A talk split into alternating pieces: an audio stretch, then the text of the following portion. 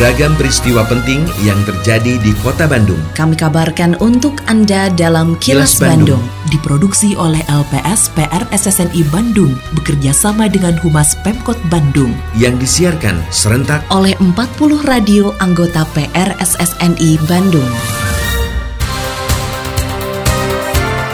Sejumlah informasi aktual kami hadirkan untuk Anda dan inilah informasi utamanya. TPU Cikadut khusus pemakaman COVID-19. 12 wastafel tempat cuci tangan CSR akan dipasang di ruang publik. 6,4 juta pelanggan PLN di Jawa Barat peroleh keringanan tagihan. Saya Santika Sari Sumantri, inilah kilas Bandung selengkapnya. Pemerintah Kota Bandung menetapkan tempat pemakaman umum atau TPU Cikadut sebagai lokasi pemakaman khusus COVID-19. Wali Kota Bandung Oded Muhammad Daniel mengatakan TPU Cikadut dipilih karena lokasinya strategis dan dekat dengan pusat kota. Selain itu TPU tersebut lahannya terbilang luas. Oded mengakui pada awalnya memang ada penolakan dari warga, namun setelah dilakukan sosialisasi, warga kemudian mau menerima. Seperti dilaporkan reporter Evi Damayanti, Oded juga mengimbau kepada warga agar tidak panik dan khawatir dengan adanya penguburan jenazah terdampak COVID-19. Usaha tangan, SK dari saya, saya saya sudah menentukan Cikadut menjadi tempat pemakaman untuk terkena dampak COVID. Secara strategis itu masih dekat di dalam kota tidak terlalu jauh dan secara posisi juga itu jauh dari masyarakat sebetulnya. Cikadutnya yang di dalamnya kan luas kalau itu. Awal-awal yang pertama betul ada penolakan. Setelah ada sosialisasi kepada mereka, alhamdulillah nggak ada penolakan. Sekretaris Daerah Kota Bandung, Emma Sumarna, sudah menginstruksikan kepada seluruh aparat kewilayahan di Kota Bandung, mulai tingkat kecamatan, kelurahan, hingga tingkat RW dan RT, untuk terus melakukan sosialisasi dan pemahaman kepada masyarakat agar tidak berkumpul dalam bentuk kegiatan apa pun. Emma memastikan dengan menghindari kerumunan atau berkumpul dapat mencegah dan memutus penyebaran virus corona atau COVID-19. Jadi di kecamatan itu sekarang sudah bergerak bersama ya simultan sinergi mereka melakukan wawar lah informasi mengingatkan kepada masyarakat jangan ada yang berkerumun hindari dulu aktivitas-aktivitas yang bisa menimbulkan potensi sebaran ini bisa bergerak cepat itu semua sudah kita lakukan. Nah ini semua mengikuti seperti itu. Terkait dengan berita sebelumnya. Dandim 0618BS, Letnan Kolonel Heri Subagio, juga sudah memerintahkan kepada seluruh jajarannya, termasuk anggota Bintara Pembina Desa atau Babinsa, untuk terjun langsung ke lapangan guna memberikan sosialisasi kepada masyarakat terkait virus corona. Menurutnya sosialisasi perlu terus dilakukan agar masyarakat memahami kebijakan pemerintah yang menginstruksikan warga untuk tetap di rumah dan dilarang menggelar kerumunan. Seperti dilaporkan reporter Yudi Dirgantara, Dandim mengatakan, dengan semakin banyaknya warga yang mengerti maka diyakini dapat memutus penyebaran virus corona di kota Bandung. Tentu kita akan lakukan hal-hal yang memang dirasa perlu untuk memberikan pemahaman lebih mendalam kepada masyarakat. Bagaimana agar masyarakat ini benar-benar sadar tentang potensi bahaya penyebaran COVID-19 ini. Saya rasa itu saja. Pemerintah Kota Bandung menerima bantuan Corporate Social Responsibility CSR dari Pertamina berupa 12 unit wastafel tempat cuci tangan. Usai menerima bantuan CSR di Pendopo Kota Bandung pada Jumat kemarin, Wali Kota Oded Muhammad Daniel mengatakan dari 12 unit wastafel yang diterima tersebut, rencananya 5 unit dipasang di pasar dan 3 unit lainnya di taman kota. Sedangkan dua unit lainnya akan dipasang di terminal dan masing-masing satu unit di balai kota dan kantor di Sedagin. Oded berharap dengan adanya program pemasangan wastafel di pusat keramaian dapat memberi manfaat dalam rangka pola hidup bersih dan sehat.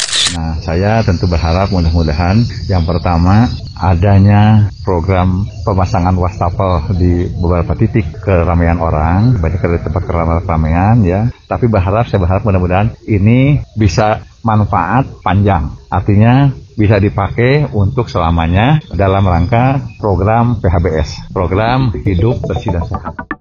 Terkait dengan berita sebelumnya.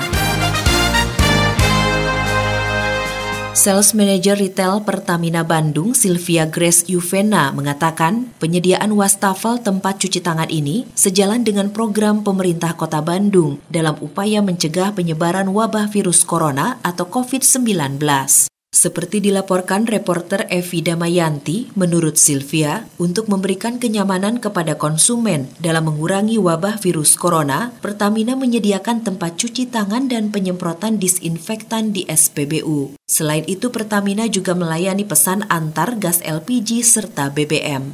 Jadi kami menyediakan tempat cuci tangan ini sebagai bagian dari Corporate Social Responsibility CSR-nya Pertamina dan sejalan juga dengan program Pemkot Bandung di mana waktu itu Pemkot Bandung juga menyatakan akan menyediakan tempat cuci tangan di beberapa titik di Kota Bandung terkait untuk memangkas penyebaran virus corona. Saat ini Pertamina juga melaksanakan beberapa program terkait hal tersebut. Pemerintah Kota Bandung kembali mengatur jam operasional toko modern dan pasar tradisional untuk mengantisipasi penyebaran wabah virus corona atau COVID-19.